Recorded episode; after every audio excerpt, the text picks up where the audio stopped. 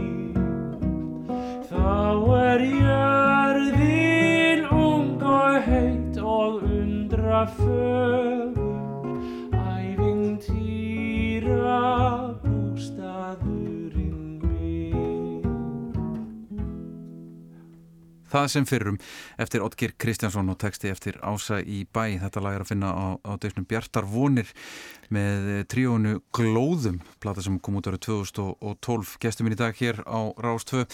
Þóróli Guðnarsson, sóttvarnalæknir. Góðan daginn og velkomin. Já, takk fyrir það. Takk, takk fyrir að gefa þið tíma til að hitta mig. Já, mín var ánægin. Ég ætla að gíska á að það teki lengri tíma að svara spurningunum sem ég sendi þér heldur. Já, það tók alltaf tíma því að það er svo erfitt að gera upp á milli og, og það fyrir eftir hvernig maður er stendur, hvernig maður svarar og hva, hvaða lag í minningunni er minnistætt og svo framvegis. Þannig að ef ég hefði svarað þessu í dag þá kannski hefði ég svarað þessu öðruvísi, ég veit það ekki. Já, já, og, þetta er nú bara svona lítill, lítill uh, samkvæmsleikur, 20, 20 spurningar, 20, 20 lög. Ég ákvæm ég bjóst nú ekki við og myndi gefa þér tíma eða hefði tíma í þetta núna, en, en Jón og þakkláttu þurfa að segja já, ég til.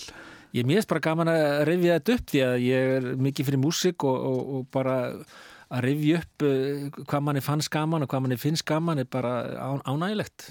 Mín var, mín var ánægin. Já, þú ert bílakall. Ég býtla maður fyrst og fremst, ég náttúrulega var á þeim árum þar sem að stríðið var að milli Rolling Stones og bítlana og, og maður tók afgerandi afstöðu með bítlanum í því stríði og ég, það hefur svona fyllt manni síðan þó að Stones hafi nú sótt á, verð ég að segja, seinni, á setni árum. Já, já, og þeir eru búin að gera, gera COVID-lag núna, stónsarannir. Já, já, já, já, þeir eru alveg ótrúleir og maður bara, maður rekkur við þegar maður sér þá þeir eru bara endast og endast. Já, ég sá hérna, myndband af þér á, á hljómsveitæðingu sem, sem að fór við á samfélagsmiðlum fyrir, fyrir stuttu. Þar varst þú að, að plokka bassan í, í bílabandi. Já, það var nú, ég kom inn og óvart og ég hefði nú aldrei samþýtt að þetta svona einhver æfing í bílskúr út í bæ hefði farið á, á flug en, en hérna, og mér finnst heldur ekki þú að gaman að hlusta á sjálfa mig syngja og spila þannig að þannig ég hefði ekkit voðalega gaman að þessu en var svo sem ekkit að æsa mig mikið við því. Nei, en þeir eru góðir. Já, ég hef spilað með mörgum góðum mönnum og ég verið svo lánsamur að þekkja marga góða spilara sem að lefa mér að vera með og hafa svona dreigið mig áfram og hjálpa mér og, og hérna þannig að e, ég hef verið í mörgum hljómsveitum undanförnum árum bæði með félögum mínum á laugavatni, mm -hmm. eldvetningum svo kallum sem eru mjög stórskemmtilegir og flottir strákar og svo bytla strákum og alls konar fólki og, og hérna góðum músikantum Gísla Helgarsinni og og fleirum og fleirum og, og, hérna, og þetta hefur bara verið bara eintóm ánægja myndi ég segja. Já, nákvæmlega. Hva, hvað var til þess að þú tókst upp bassa? Var það, var það paul? Nei, það, já, það var þannig að sko, ég byrjaði ungur drengur í barnaskóla í Vestmannegjum í Lúrasetja Oddgeri Kristjansinni og spilaði þar á trompet og svo fór ég að læra á píjano hjá Martin Hunger og það var á bítla árunum og, og mér fannst nú svona lögin sem að hann setti mig fyrir vera freka leiðinleg Uh, og, og, og ég vildi gætna fá útsetning á nýju bítlalögunum en það var nú ekki inn í myndinni þá og uh, þá fór ég að að uh, renna hýru auga á bassan og kifti með bassa og spilaði ba á bassa í hljómsveit í barnaskóla og gagfræðaskólanum í Vestmanneim og en svo hætti ég því nú og fór að spila gítar og, og lengi vel og svo tók ég bara bassan eftir en mér finnst bassin alltaf að vera einhvern veginn skemmtilegast hann er svona þunga miðjan í bandinu hann og trommuleikar en þegar þeir ná vel saman þá er þetta alveg óbáslega gaman sko. Já, talandi um, um, um Otger hann samtið þetta lag sem við, þú vildi byrja á? Já. Það sem fyrrum Já, þetta lag er alveg frábært lag og, og textin alveg, alveg einstakur eftir ása í bæ. E, og hann, þetta er um Sursei e, það sem hafið faðmar landsins yngstu strönd. Mm. e, og þetta er svo skemmtilegt lag og fallegt lag og og uh, svo náttúrulega er ekki verið að sónu minn syngur þetta á þessari, þessari diski. Já, já. Og, uh, og hérna gaf út uh, disk Otger er, er langafans í móðurætt og þannig að hann gaf út disk með lögum Otgers og, og mér finnst þetta lag bara svo fallett og, og ég var líka að spila með söngkópi hér á höfuborgarsvæðinni sem að kalla Átífa Ferr áttafélag vestmanninga á Reykjavíksvæðinu og, og þar tóku við vestmanninga lög og þar meðal annars vorum við með þetta lag og mér fannst þetta lag alltaf svo fallet Já, förum í, förum í æskuna uh, fyrsta svona lægi sem þú mannst eftir að hafa gripið þig og þú vildir heyra aftur og aftur? Já, það var því ég var á Eski fyrir ég bjóð þar sem ungur drengur flutti það þánga því ég var tefnilega tveggjára frá Kvolsvelli þar sem ég fættist Og, eh, og ég man bara vel eftir ég heyrði þetta lag fyrst nú likur vel á mér eða Stína var lítil stúlka í sveit og mér fannst þetta alveg, alveg, alveg einstatt lag og gæti hlusta á þetta aftur og aftur í útvarpinu. Þá var náttúrulega ekki til neitt grammafótni eða neitt til að spila á heima og, og, og þetta lag hefur alltaf alltaf tíð síðan verið svona stungið mér aðeins í hérta því ég heyri það. Já, þannig að þú þurfti bara að býða eftir óskalögum sjúklinga eða Já, ég man ekki hvað þetta var spilað, hvað þættir voru þá uh, þegar, sko, ég held að það hefði komið út 1958 eitthvað slúðis og þá var ég sem sagt fimm ára uh, og, og hérna og ég man ekki hvar maður heyrði þetta en ég man bara þegar maður var að söngla þetta lag eitthvað úti í náttúrunni á þeim tíma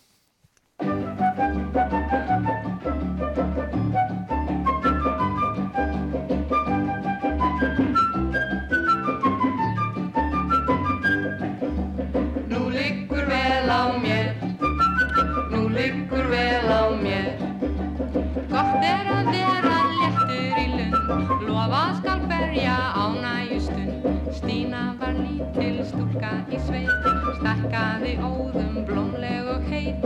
Hún fór að vinna, var margt að gera lærði að spinna, látum það vera. Svo var hún úti sumar og haust. Svona var lífið strit enda laust samt gatt hún Stína söngbana sína sungið með hári raust. Nú liggur vel á mér nú liggur vel á mér.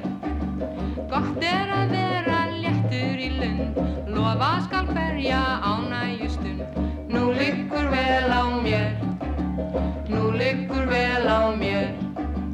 Gott er að vera léttur í lund. Lofa skal hverja ánægjustund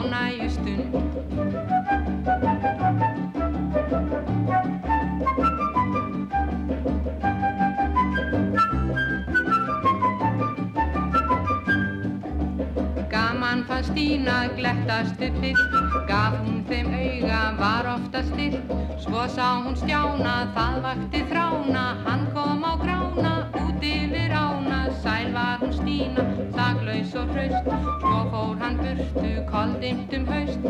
Samt gat hún Stína, söngvana sína Sungið með hári raust. Nú liggur vel á mér Nú liggur vel á mér lofa skal hverja ánægjustund. Nú liggur vel á mér, nú liggur vel á mér.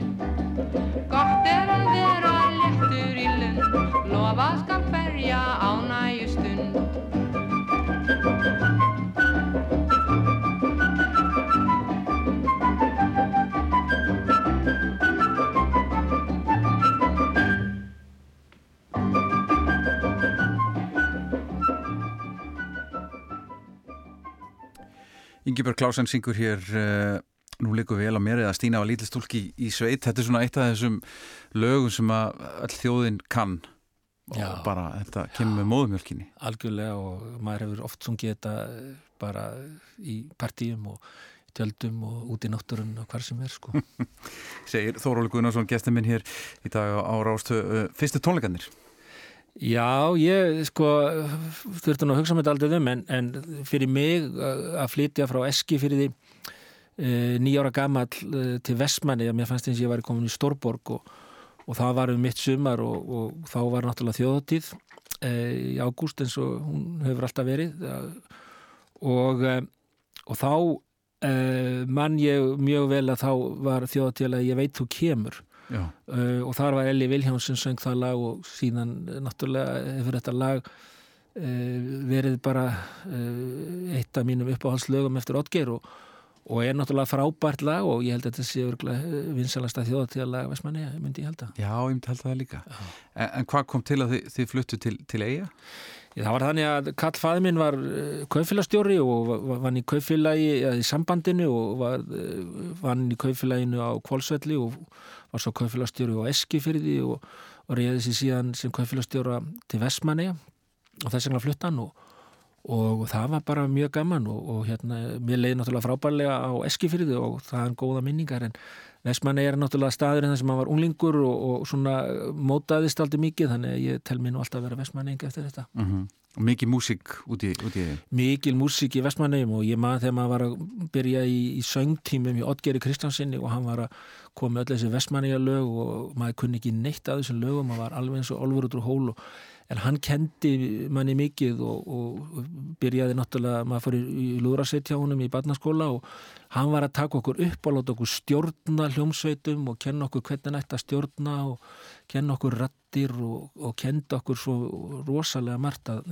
það mótaði mann held ég fyrir lífstíð. Já, nákvæmlega Ertu, fórstu svo ofta á þjóðtíð? Eh, Áttu, áttu nokkra tíu af þjóðtíðum? Já, já, ég fór náttúrulega alltaf á þjótið með bjó í eigum, e, svo eftir ég flutti frá Vestmannegjum, svo fór maður í mentaskóla laugavatni og, og e, maður fór náttúrulega áfram eh, til eiga, kona mín er frá Vestmannegjum og barnabarn Oddgeis og, og það var náttúrulega átti fjöl, fjölskyldu þar, ég þó mínu foreldrar fluttu 72 frá Vestmannegjum á Selfoss þá var ég nú eiginlega farin að heiman en, en maður fór alltaf á þjóðtíð var nú dreigið úr því í setni tíð þetta er svona öðruvísi uh, hátíð uh, finnst mannin svona núna heldur hún var þetta er hún það ekki neitt en, en ég fyrir frekar á svona góðsloka hátíðinu vestmanni, mér finnst hún skemmtilegri þar þar hittir maður miklu meira vestmanningum og brott, brottflutnum vestmanningum og verulega skemmtilegt Einmitt. Og hvað verður um þjóðtíð í ár?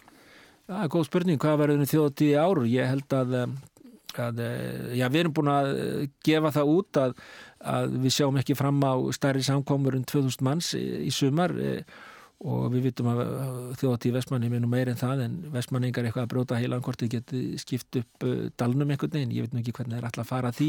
Já, allri eiginu kannski. Já, ég, ég held að allir sem hafa verið á, á þjóðtíð, alls gáðir eða ekki, að þeir viti það að þeir láta nú illa stjórn svona þegar að fyrir að líða nóttina.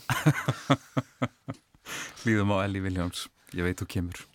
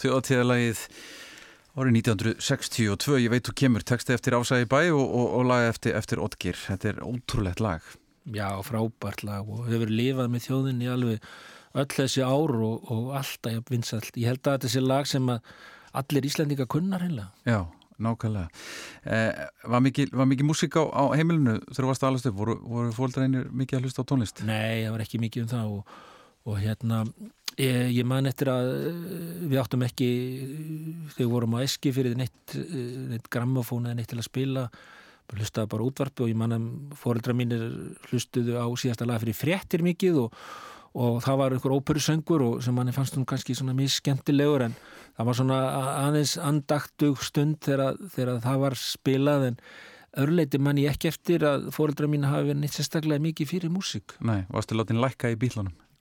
Nei, alls ekki og, og þau stuttum mig með ráð og dag þegar að Uh, þegar við fluttum frá Eskifrið það var kipt piano og, og, og sem að fluttum með okkur til Vestmanneja og, og uh, hvað sem maður vildi gera að, að læra eða kaupa sér bassa eða gítar það var, það var allt saman sko, stutt af, af, af mjög diggilega alla tíð. Um en Sagmynda Sælan, lægið sem þú sagðir yngum að hafi gaman að í æsku Já, þetta var náttúrulega á þessum bítlatíma þegar spurningin eh, sko snýrist um bítlana eða Rolling Stones og svo voru svona einstaka sérvitingar sem voru að tala um Kings og einhverja svona hljómsveitir sko.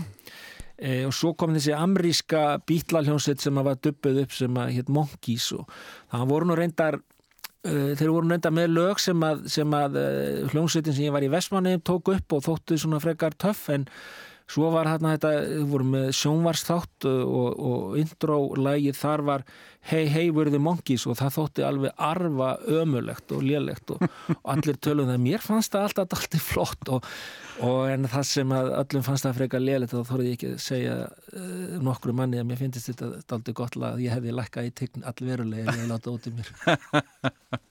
Mér finnst það gott lag líka, ég er alveg sammálaðir. ok, já, gaman að því. Hey Hey We're the Monkeys. Here we come, walking down the street. We get the funniest looks from everyone we meet. Hey, hey, we're the monkeys, and people say we're monkey around. But we're too busy singing to put anybody down. We go where we want to, do what we like to do. We don't time to get restless. There's always something new. Hey, hey, we're the monkeys, and people say we monkey around. We're too busy singing to put anybody down. We're just trying to be friendly. Come and watch us sing and play. We're the young generation, and we've got something to say. Oh. Anytime or anywhere, just look over your shoulder. Guess who'll be standing there? Hey, hey, we're the monkeys, and people say we monkey around. But we're too busy singing to put anybody down.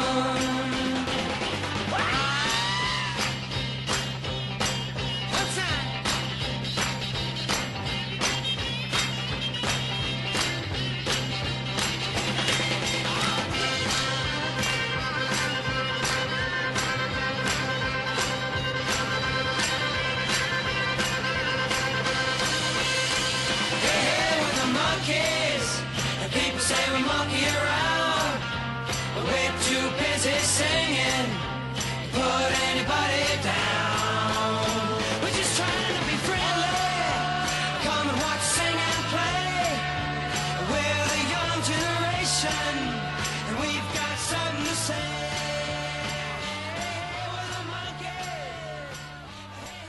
We're the monkeys. Hey, hey, hey, we're the Monkeys. Uppafslægur þessum þáttum, ég held ég á nú aldrei séð eitt þátt, var þetta sínt eitthvað? Já, já, þetta var alltaf reglulega í sjónvarpinu á þessum tíma og þetta voru voðalega hallarislega þættir, þetta var svona þættir sem að alltaf spila á auknum hraða og menn löpuð svona svo sjaplinn fram og tilbaka einhvern veginn og, og svo voru svona íslenskar hljómsdýr aðeins að stæla þetta pínu manni, ég held að gott að hljómar voru ekki með einhvern svona þátt einhvern tíman en, þetta svona var, jú, þetta var ágætt á þeim tíma en ég held að þetta hef ekkit elst og vel Nei. Herru, við ætlum að fara í, í nokkur áratugalög næst og, og fara næst í, í 7. áratugin, smá 60s. Þar ferðu í, í, bíl, fyrsta bílalagið sem við heyrum og ekki það síðasta, sem er bara allt í góðu. Nei, þetta er náttúrulega bítlarnir voru og hafa alltaf verið mjög uh, miklu uppáhaldi hjá mér og, og hérna, ég átti nú í vandræði með að reynda fullt af öðrum lögum með öðrum hljónstum á þessum tíma, ég átti svona í dotlum erfileikum með að velja þetta. Hvað, hvað mér finnist nú skemmtilegt Eh, þetta lag sem ég valdi 60s, þetta við það Little Help uh, þetta hafi verið að Satis Pepper plötunni og þetta lag var aldrei neitt sérstaklega skemmtilegt, mér fannst það nú ekki Uh, og það var uh, Joe Cocker tók þetta lag og það var náttúrulega alveg frábært hvernig hann gerði það og, og, en svo þegar ég fór svona setni árum fór að hlusta á þetta lag aftur og fór að hlusta og var farin að uh, spila á bassan og hlusta á Pól og hvernig hann spilaði og svona og fór að hlusta á hvernig hann spilaði bassan í þessu lagi.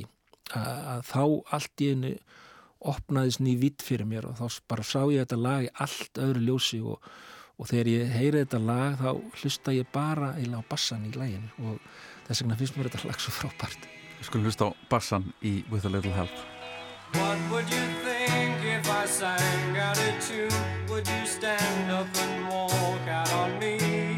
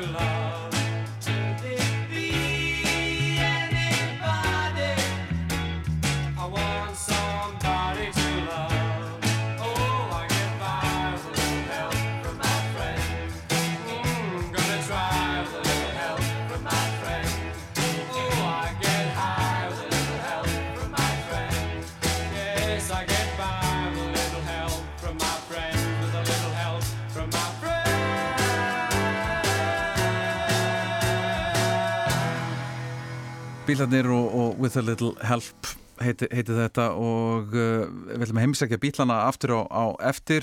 Þóróli Guðnarsson, sótarnalæknir er gestur minn hér á, á, Rástvö uh, og þú hefur verið í, í, í nokkur svona bílaböndum eða ekki, ekki bara einu? Jú, ég hef, ég hef verið og eiginlega all, allar hljónstið sem ég hef verið, hef verið í, hef alltaf spilað bítla lög það hef verið svona stór og mikil uppistæða í lagavalinu og, og ég hef spilað með bítla hljónsveitum frá Grindavík uh, Backstabbing Beatles sem spilaði bara bítlalög og ekkert annað og mjög gaman, ég hef spilað í Bítil Bræðum þar sem, að, þar sem við tökum reyndar önnurlög líka og nú svo hafa vinnir mínir frá laugavatni, við höfum tekið mörg bítlalögin saman og og svo náttúrulega eh, er ég í, í fjölskyldu eh, fjölskylda konu minna sérstaklega það sem er alveg forfællinir bítla aðdándur eins og ég reyndar og, og alveg frá því þjóðati ég bara man ekki hvena það byrjaði þá var alltaf síðasta kvöldi og sunnundaskvöldinu haldið svo kvöldi bítla sirpa í tjaldi.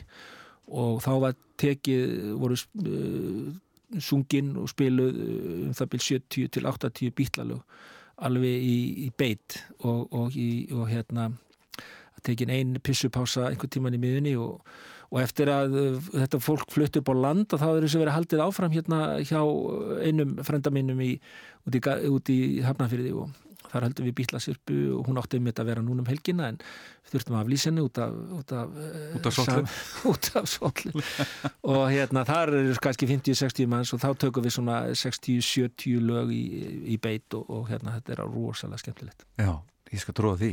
Þetta væri til að heyra. Og er komið ný dagsetning á, á sirpuna eða? Já, það búið að frestinni yfir kannski fram á haustið hugsa ég en Já. hún verður haldinn Uh, núna árinu ég mun sjá til þess Nákvæmlega, það er gott að heyra þetta er náttúrulega taland um, um, um þetta maður, maður hérna, sér ekkert nema tónlistarháttiður og tónleika sem maður verið að færa og, og, og hætta ja. við og Ég meina, lífið stoppar ekki, við, kannski, maður frestar þessu og það er ekki eins og allt sé að hrinja þó við frestum auðvitað er þetta mjög sárt og erfitt fyrir mjög marga að þurfa að hætta hlutum og fresta og fjárhastlegt tjón fyrir marga en ég held maður þurfa að muna það að, að, hérna, að e, það er ekki eins og þessi endarlók heimsins, við þurfum kannski að endurstilla okkur og, og, hérna, og komast í gegnum þetta saman og síðan bara byrju við aftur þegar þetta er búið. Nákvæmlega, nákvæmlega. Herðu, þá var það 8. áratörinn, 70'sið. Já. Þar færði þið mikið snilling. Já, það var, þetta er eiginlega það sem þá bjóð ég út í Danmörku, ég byrjaði í læknisfræði út í Danmörku. Já, hvað og, kom til að þú fóst í læknin? Já, ég var nú alltaf, ég var nú máladeldamaður og svona og, og þannig en, en uh, ég, ég veit ekki hvað það var, alltaf ekki verið að móðubróðum minn var læknir og mér fannst það mjög merkilegu maður og, og sem að var og og einhvers konar fyrirmynd og ég ákvaða bara mjög snemma að ég ætlaði að fara í lagsfræði og ég stóð bara við það þó ég var um máladeild og, og uh, byrjaði í lagsfræðinni hér heima en kona mín uh, og þá var hendi kærasta og, og hún hérna fór erlendis í sjúkraþjálfun þá var ekki bóð upp á það nám hér og þannig ég eld hana til Árósa í Danmörku og fór þar í læknisfræði og, og þá uh, hérna mann ég hef keift um okkur þessa plötu með Stevie Wonder sem var alveg reynd dásanlega og hún var algjörlega spiluð í spað margar vikur, margar mánuði hérna, Inner Vision með Stevie Wonder. Alveg óbúðslega og þegar hann spilar þessu lög þá bara far maður kallt vatnið bakið sko. Hvernig, hvernig var hérna, námslífið í, í Orhúsum? Það var bara mjög gott og gott fólk og mikið á Íslandingum, það kom hérna voru ekkert mjög margir þegar ég kom hérna fyrst en svo fjölgaði mjög, það voru margir í tekniskólanum og margir í arkitektur og uh, bara uh, gott fólk og fólk sem er, hefur ennþá samband við í dag og svo framins og þannig að þetta var bara mjög góð reynsla. Og svo um, miðbyggið þá fluttu við heima aftur og ég kláraði læknisfræðina hér á Íslandi. Já, nákvæmlega. Don't you worry about a thing, Valduru af Innovations með Stevie Wonder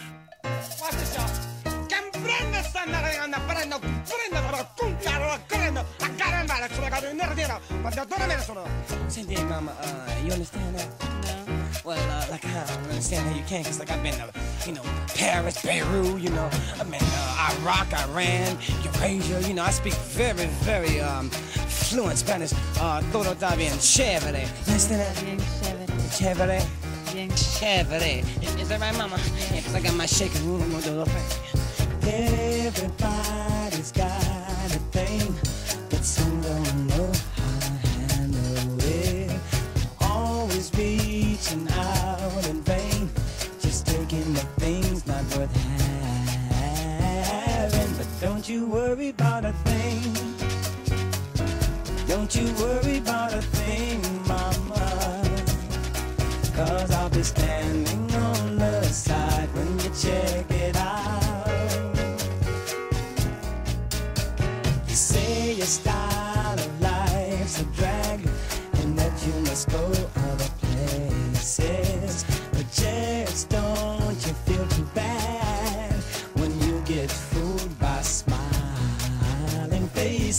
don't you worry about a thing.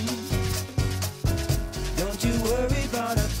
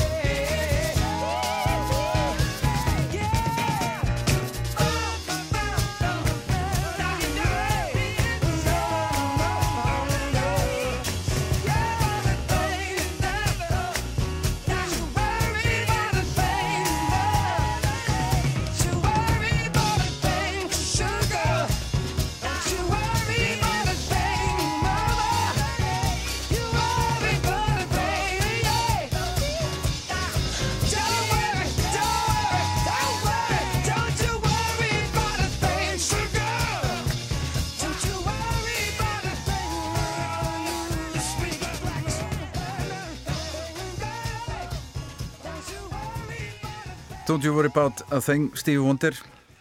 Þessi ótrúlegi lagahöndur og hann er ekki bara góð píjánuleikari, hann er, er fanta góð trommar líka.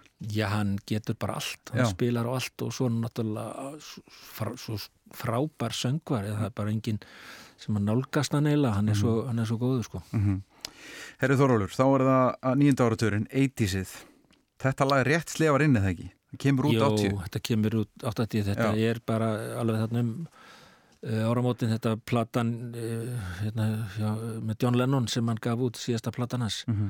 og uh, þetta lag Just Like Starting Over er bara minni mig alltaf á þessa hörmungatíma þegar hann þegar hann svona sí- síðustu árans og síðustu allt sem að það er við það sem að kom fyrir hann Einmitt. Ég var sko ég var úlingur í, á tíund áraturnum og ég man ég kom heim úr skólanum þegar ég frétti að í Nirvana hafði tekið eigi líf og var algjörlega ónýtur. Mm, þetta var bara mín hetja í músík. Mm. og þá sagði mamma við mig þegar hún var að hauka mig þú mútti aldrei gleyma þessum degi. Ég man ennþá hvar ég var þegar ég frétti að John Lennon hefði verið skotin já, og svo rættu við þetta, Lennon og, og, og, Cobain þannig að þetta svona sittur fast algjörlega. í mér.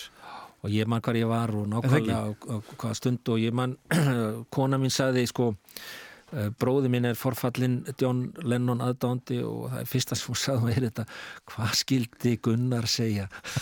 Og enda var þetta alveg reyðarslag fyrir, fyrir hann og fyrir alla bara, þetta var náttúrulega alveg hörmulegt. Nákvæmlega, þetta er, var frábær plata fannst mér mjög mm alveg einstaklega fín. Já, ég sammála. Hlustum á Lennon. Our life together is so precious. Together we have grown. We have grown. Although our love is still special. Let's take a chance and fly away somewhere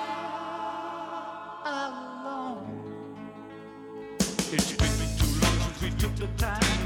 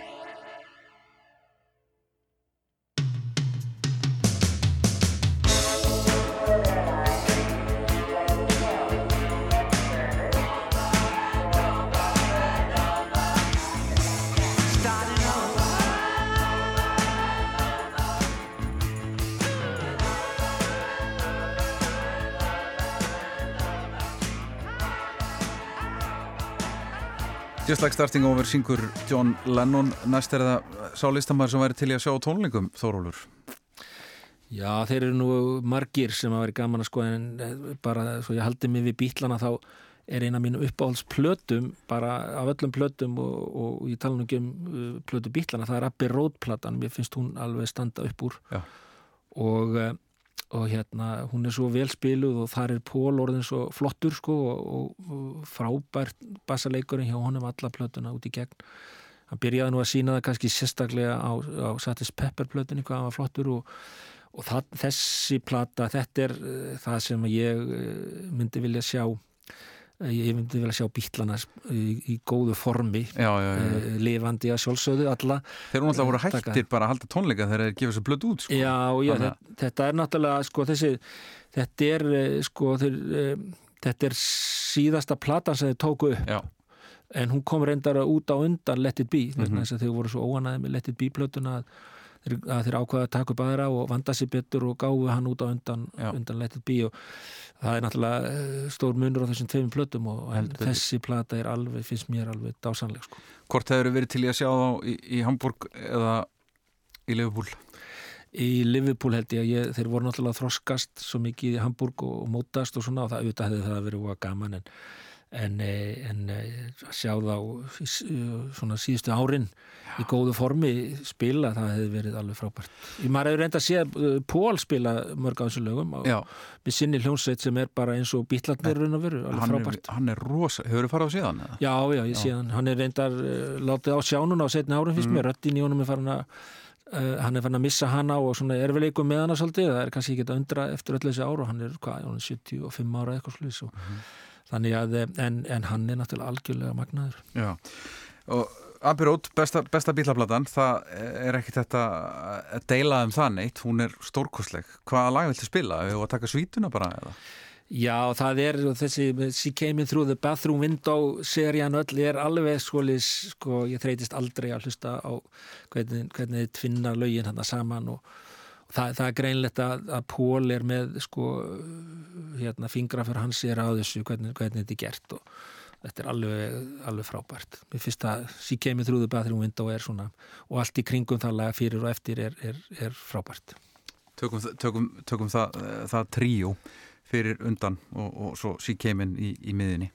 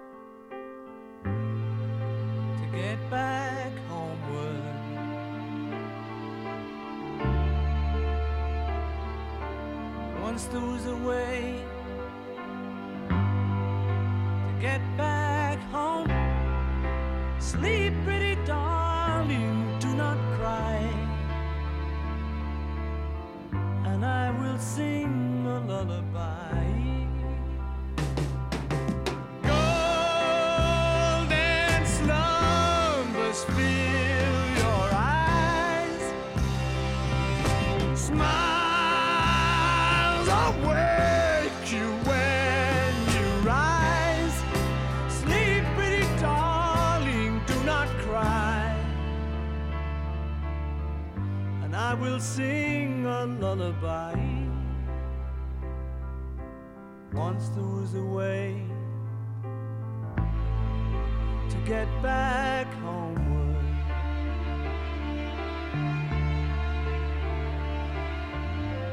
there was a way to get back home. Sleep, pretty darling, do not cry,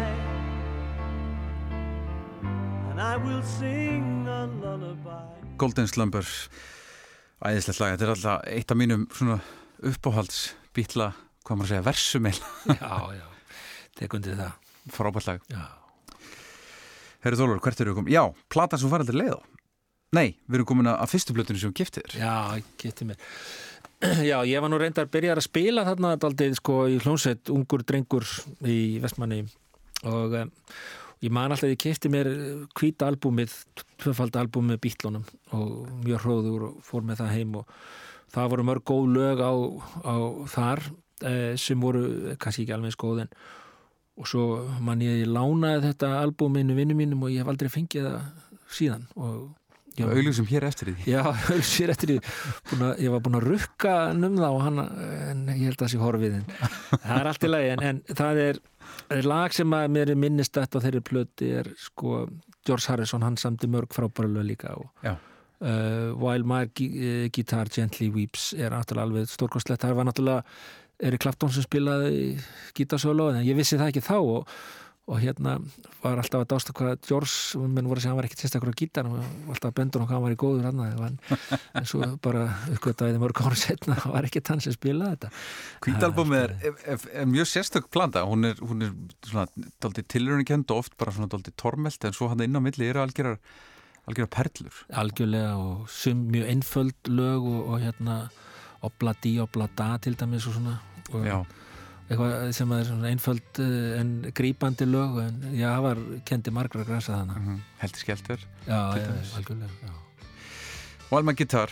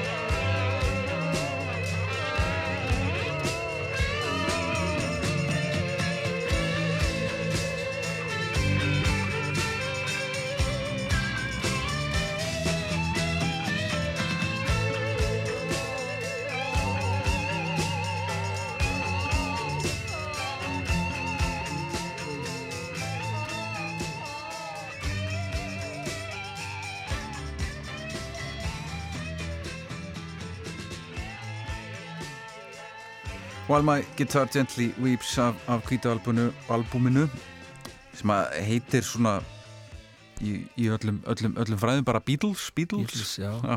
doppelálbum Doppulalbum, já, einmitt. En hún, hún er bara alltaf kölluð kvíta albumi Herru Þóróli, við erum komin að- kveikmyndatónlistinu, kveikmyndalæginu Já, ég var í smá vandræðan þarna því að hérna, maður mann svona eftir í, frá því gamla daga alls konar lögum en svo allt í einu þá myndi ég eftir þessari frábæru mynd hérna uh, eða lagi Purple Rain Já, með Prince og það var kannski ekki hvað síst vegna hann er frá Minnesota eða var hann var frá Minnesota og þar bjó ég í nokkur ár, ég var í framhalsnámi í, í smittsjúkdómi barna þar og, og þannig að ég tengi við Prince þó ég hef nú aldrei hitt hann eða, eða séðan þá var þetta svo hérna frábært, frábært lag. Já, já. Hvernig var að búa í Minnesota? Það var mjög gott, ég bjó fyrst í, var í uh, barnalækningum í, í Connecticut. Mm og Hartford Connecticut, það var ágætt að vera en það var mjög svona fínt að vera líka í Minnesota. Það er svona skandinavist yfirbræð mikið að uh, flestir sem búa þar eru svona ættaðir frá Skandinavíu þannig að það er mjög mikið svona skandinavist yfirbræð yfir öllu þarna. Og, og mér líkaði bara mjög vel að vera þar. Já, varstu lengi þar? ég var þar í tvö ár Já, og þrjú ár í Connecticut. Já, já, svo en ég kom heim sko. já. Þetta er, þetta er land öfgana algjörlega og það er sko þetta er ekki eitt land í raun og veru og uppfyllir ekki skilir fyrir einu landi. Þetta eru, þetta eru brot af svo mörgum þjóðum og, og margskonar sögu og, og hérna venjum og annað það er svona alveg ótrúlegt. Já, nákvæmlega Og ferðaðist eitthvað hann um? Já, mjög mikið og keriði þarna mikið um og keriði sjálfu flutningabílinn frá austuströnd bandaríkjana inn til miðríkjana og dró annan bíl á eftir og þetta var mjög sögulegt ferðalag og, og ég kert þarna mjög víðum og, og, og líka bara mjög vel við bandaríkjun og bandaríkjamenn Já. og bara, og þetta er frábært fólk og glaðsynna og opið og, og svona fordóma laust allavega það fólk sem að ég umgekst svo náttúrulega til alls konar annars konar fólk líka Ég get tekið undir það, Já. algjörlega uh, Við ætlum að lusta á, á Prince Purple Rain I never meant to cause you in your sorrow.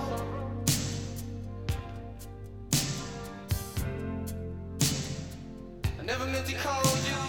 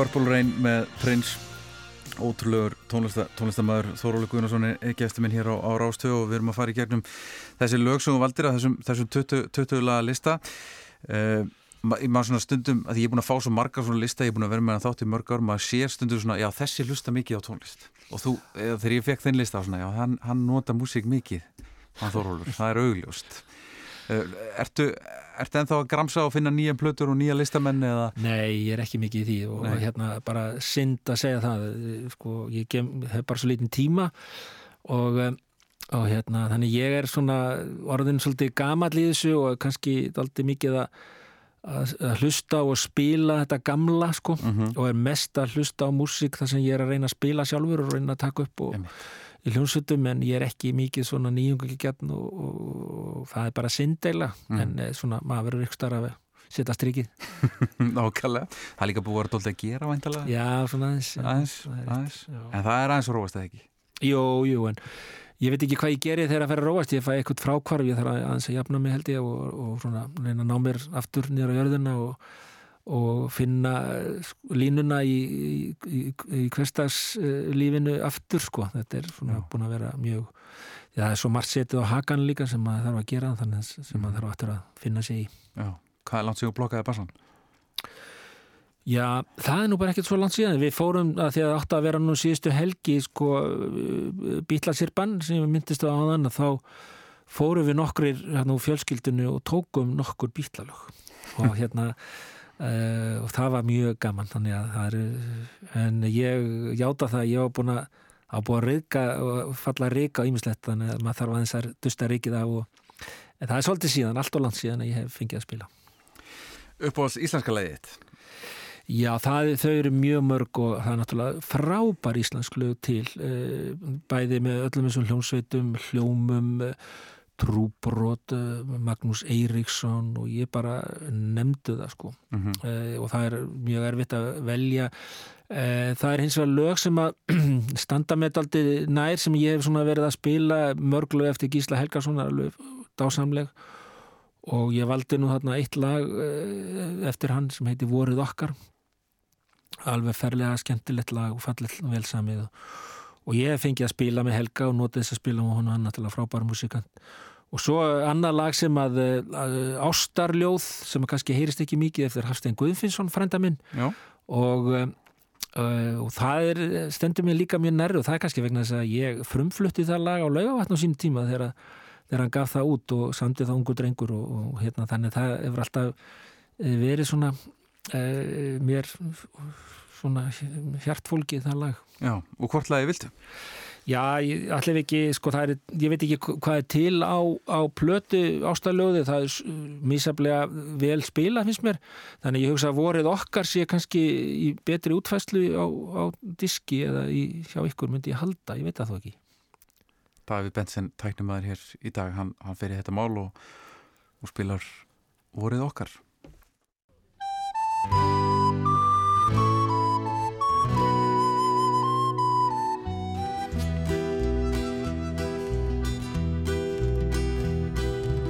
Manstu þegar vorið út í eigum Bólgur hleyft í blóðið forðum tím Ég var bara einn af á Pompeium Undraðist hver þú varst mjúk og blíð. Upp í laut við unnum heitum nætur Upp í laut við fundum gleym ég rey Þvengmjór var ég þá með spóa fætur En þú varst drottningin á heima ei Og nú þó húfir hraun Hilji okkar grænur laun Veit ég æ kviknar líf í vorsins þeir Og eitt ókomið vor En á nýmun þar gróa gleym ég rey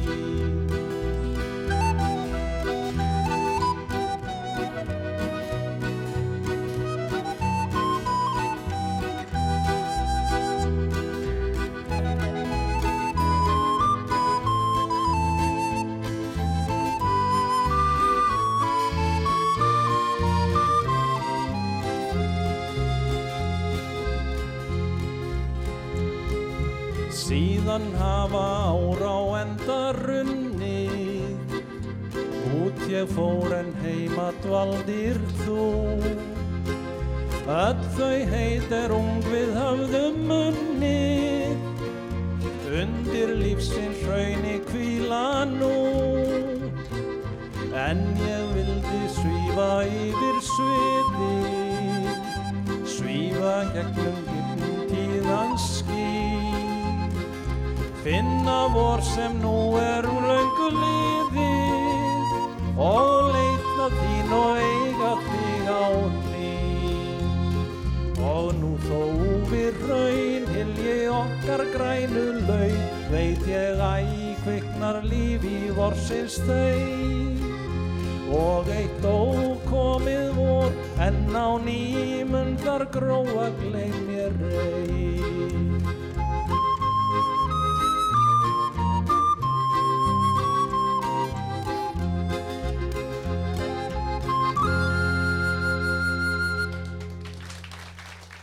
Svona hljóma það, voruð, voruð okkar. Þetta var upptaka af uh, Reykjavík Folkfestival árið 2010 og þetta var hljóður þetta á, á Rosenberg sem var, var á hér þeim frábara tónleikastað. Og þarna varst þú, Já, já, þarna, þarna var ég og- upp á sviði?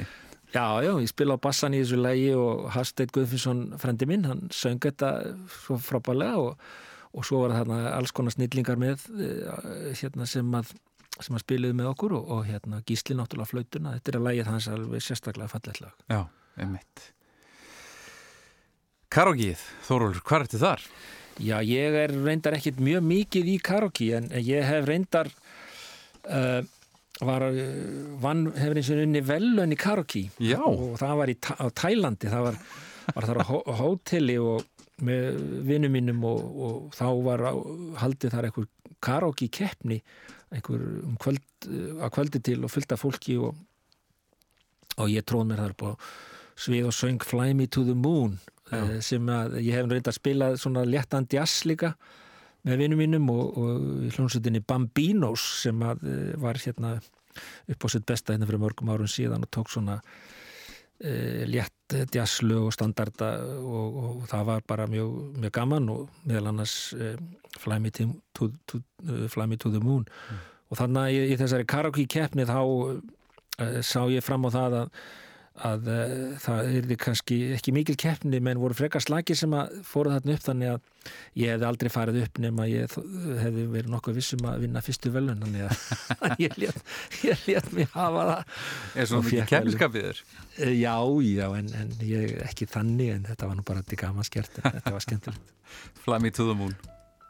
Fly me to the moon, let me play among the stars, let me see what spring is like on Jupiter and Mars. In other words, hold my hand. In other words, baby, kiss me. Fill my heart with song and let me sing forevermore. You are all I long for, all I worship and adore. In other words, please be true. In other words,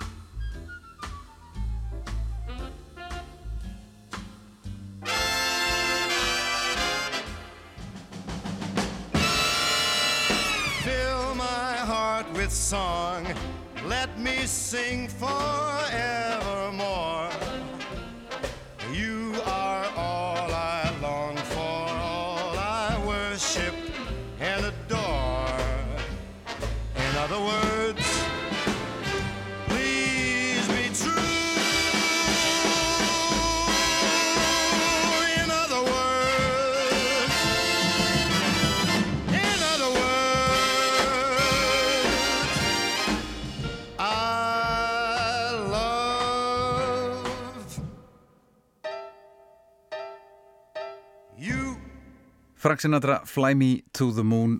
Þóróli Guðnarsson er gestur minni á, á Rás 2 og við erum komin að e, síðasta, síðasta nei, ferðalögin, það eru næst Þóróli, ákvæð lustar eru þetta ferðast?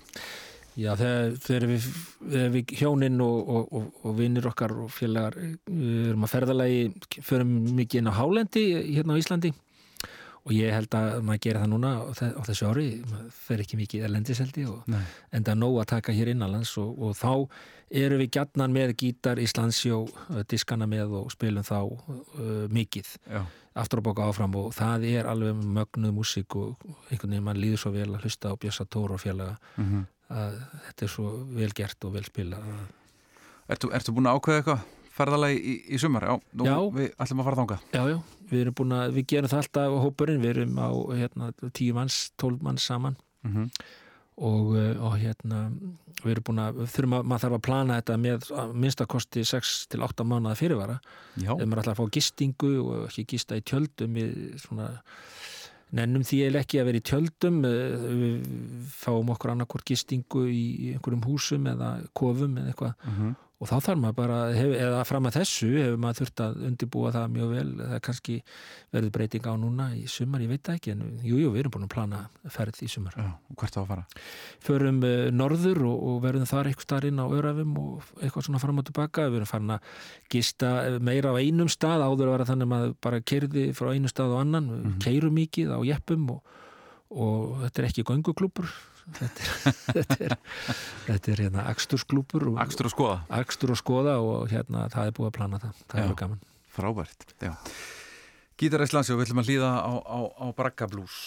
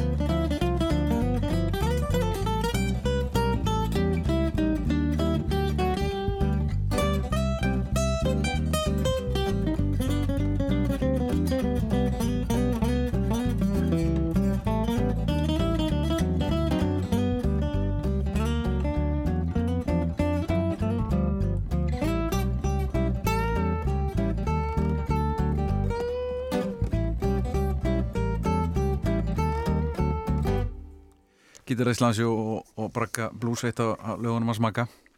Frábært lag. Uh, Við erum komin að, að síðustu læginu sem þú spilaðir á, á sviði eða, eða hljómsveitræðingu Þórólur og hvort var það? Já, ég, ég manna ekki, ég held að nú að vera á sviði sko, þetta rennur róði svolítið saman uh, í eitt en ég ætlaði ekki verið síðast ég spila á sviði sko, það var svona menningarnótt Já. nýri yðurnó held ég. Já, já. Og um, mér minnir það að síðasta lagið hafi verið Keep on Running með, með hérna Spencer Davis Group. Með hvernig varst að spila inn og á, á menningarna Það voru bítilbræður, Það bítlabræður Já, uh, eða hvort það voru nei, það voru eldvetningar lögvetningavinni mínir. Þú tífum svo mörgur já, hljómsveitur ég nei, það, það voru þeir, já. Það voru lögvetningarnir, ég hérna það, er frábærir strákar og, og við höfum gaman að að spila saman. Já, Keep on Running, Spencer Davis Group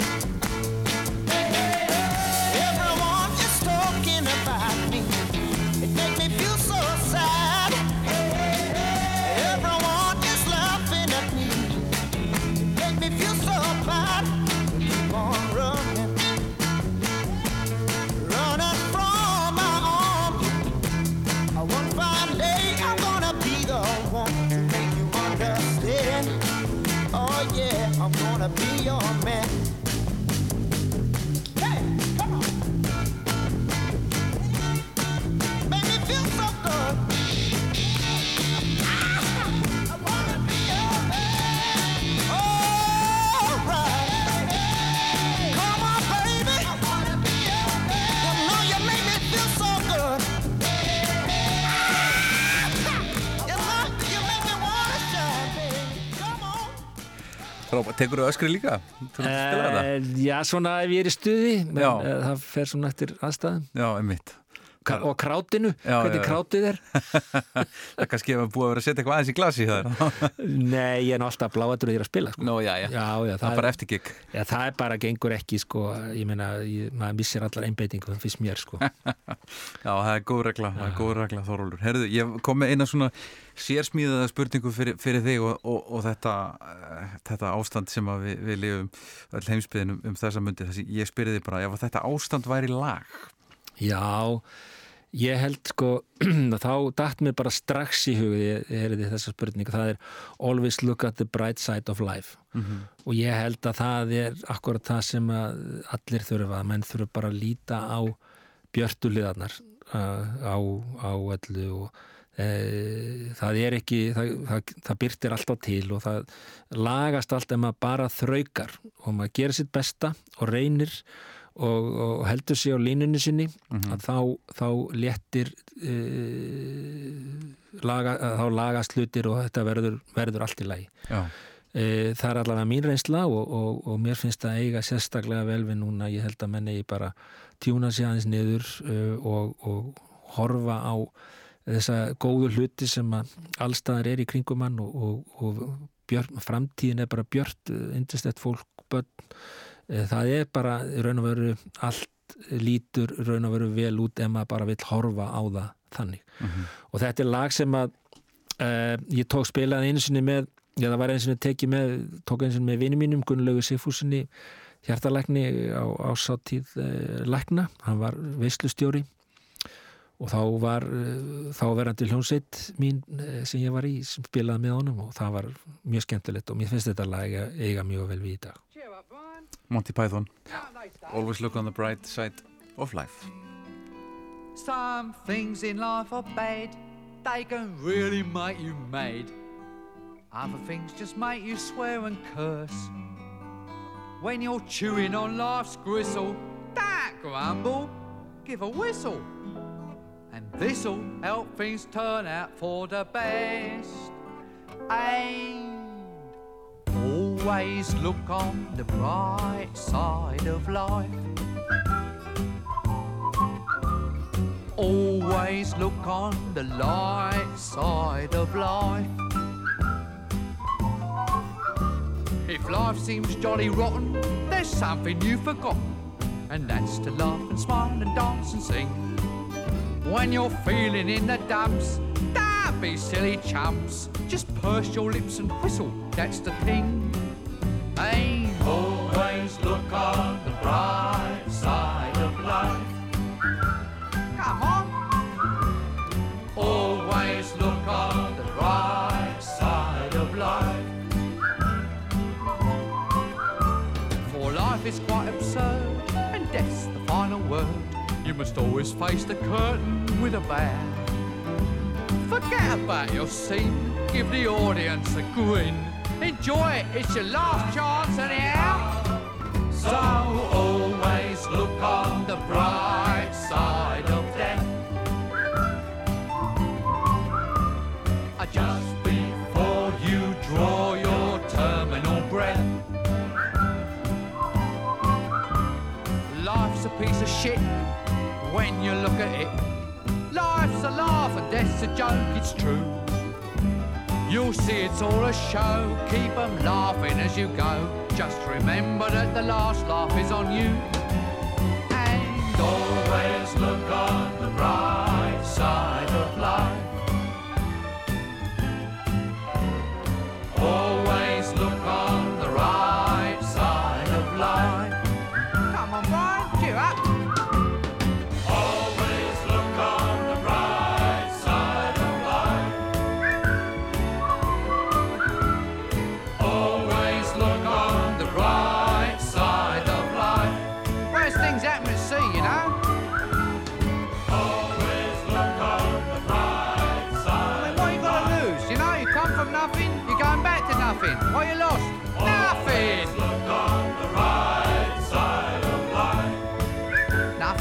From nothing, you know what I say?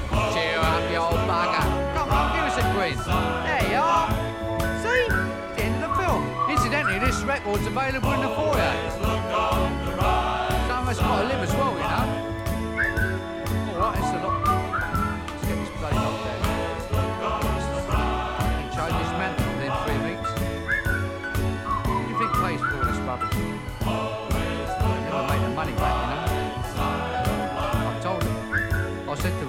Bernie I said they'll never make that money back.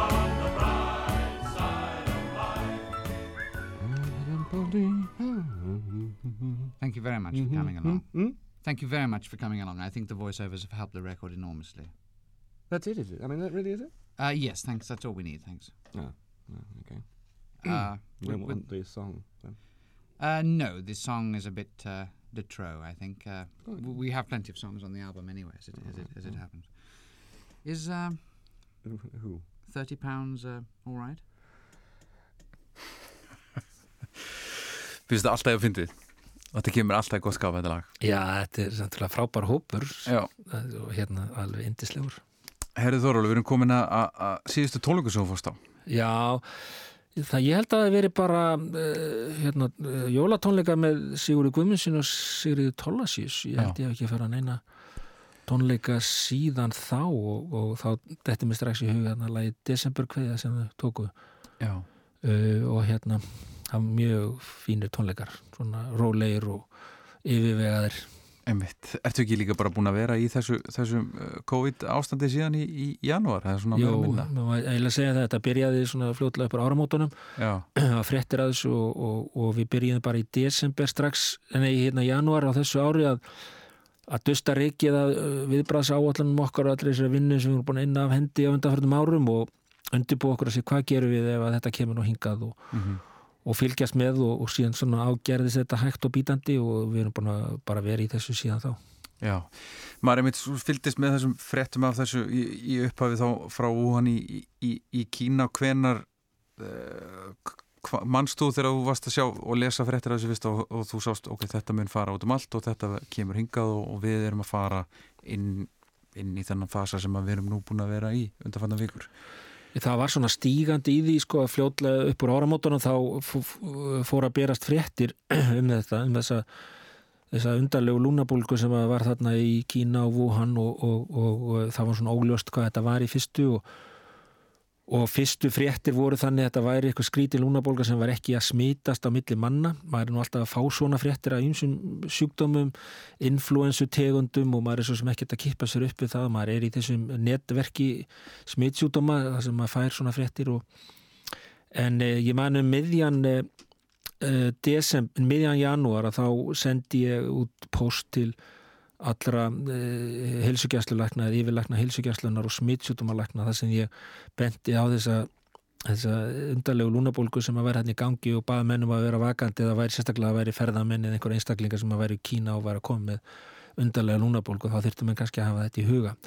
En, en fyrstu fréttina voru þær að þetta væri ekki að smítast á milli manna og, og maður svona held að það að var að vonast að svo er þetta ekki og hafði svo sem ekki upplýsingar um neitt annað en svo fóru svona fréttinnar að ágerast og, og fóru að e, berast um hvaða veira þetta væri og það vissum að svo sem að þetta var veira sem myndi smítast á milli og, og svo bara ágerðist þetta hægt og bítandi og þetta hefur verið bara svona stöðu og stígandi í þessu síðan, Mhm. getur maður sagt ég, en ég held að núna þá er, er þetta minkandi, þessi faraldur er á niðurleið í Evrópu til dæmis og maður sér það klárlega á öllum tölum frá Evrópu að, að í Evrópa í heildi er svona á niðurleiðin með skelvilegum afleiðingum fyrir mörglönd Já.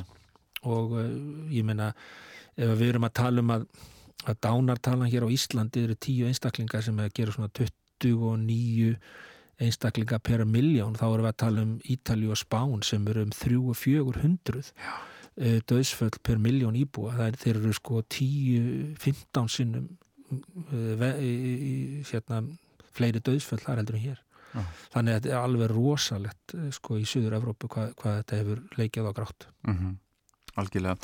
Og er þetta þessi veira og eins og hún smittast í- þetta er svona það sem að smittsjútumalæknar höfðu óttast mjög lengi hegi þetta hefur ekki gerst alltaf bara síðan hvað í spænsku veikinni svona... Já, sko við erum náttúrulega þetta kemur manni kannski ekkit voðalega óvart vegna þess að þegar maður bara fyrir smittsjútumalækna sem eru búin að fylgjast með sögunni það hafa verið svona só- sóttir sem að gengið yfir heimsbyðina alveg reglulega frá Já, já. örufu alda Já.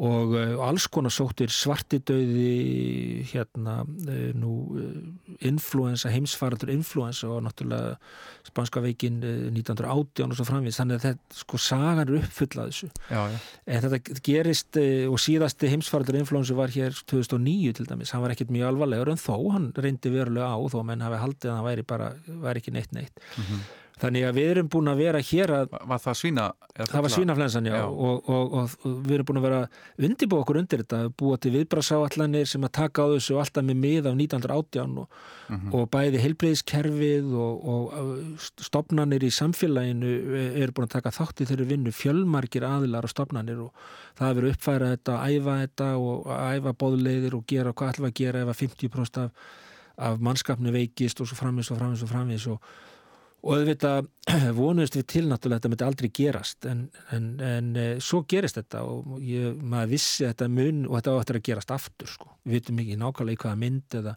heimsfaraldur influensa á eftir að koma aftur sko. verður hann jafn slæmur og var 1918 það veit maður svo sem ekki um Nei.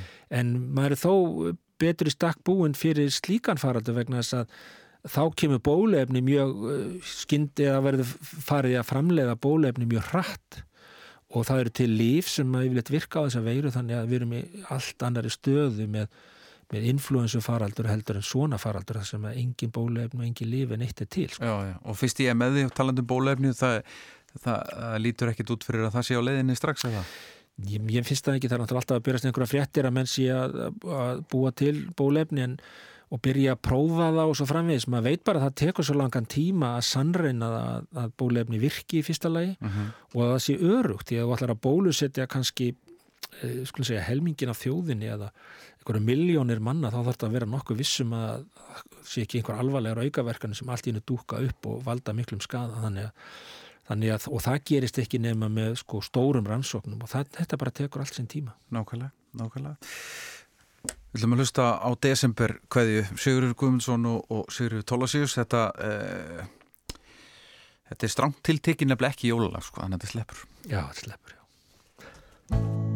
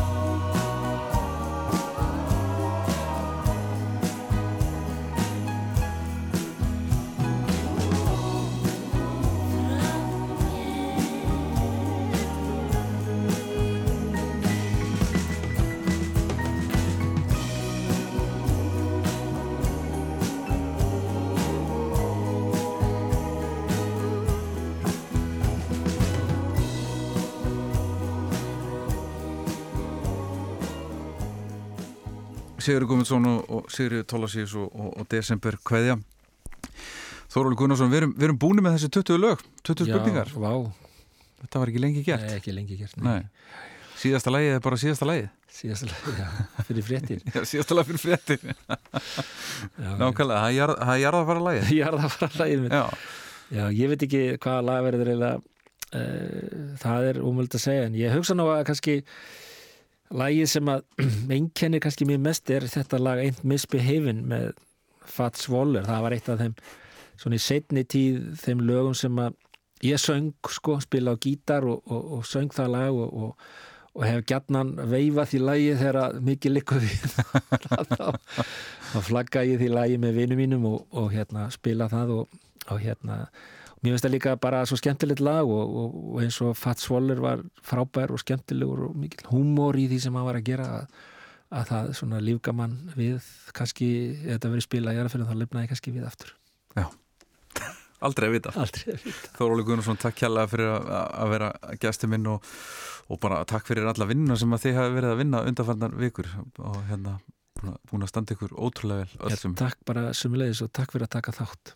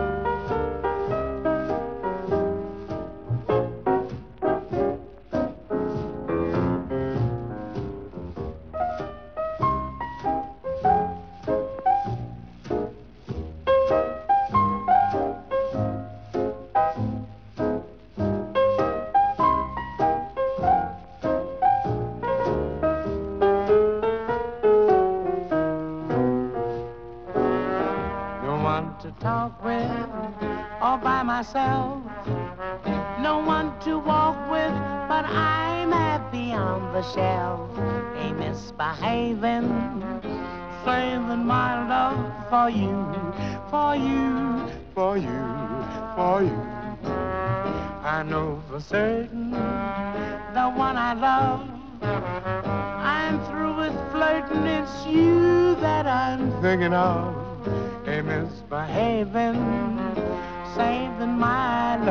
You.